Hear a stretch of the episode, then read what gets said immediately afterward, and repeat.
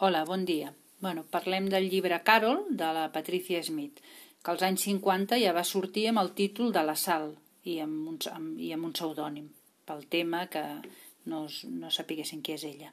Bueno, la novel·la se m'ha fet una mica pesada al principi, però cap a la meitat s'ha anat animant. La novel·la tracta de dues dones, la Carol, casada amb una nena, la Ridi, i per l'altre costat la Teresa, que només té 19 anys, és jove i inexperta amb l'amor. Té un nòvio, el Richard, però no està massa enamorada. Quan coneix un dia la Carol, es queda totalment impactada, enamorada d'ella.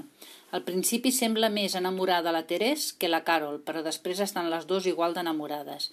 És una novel·la molt atrevida per l'època i el tema que tracta, encara que està escrita mm, amb, amb molt laic del tema del lesbianisme, però bueno, per l'època és, és bastant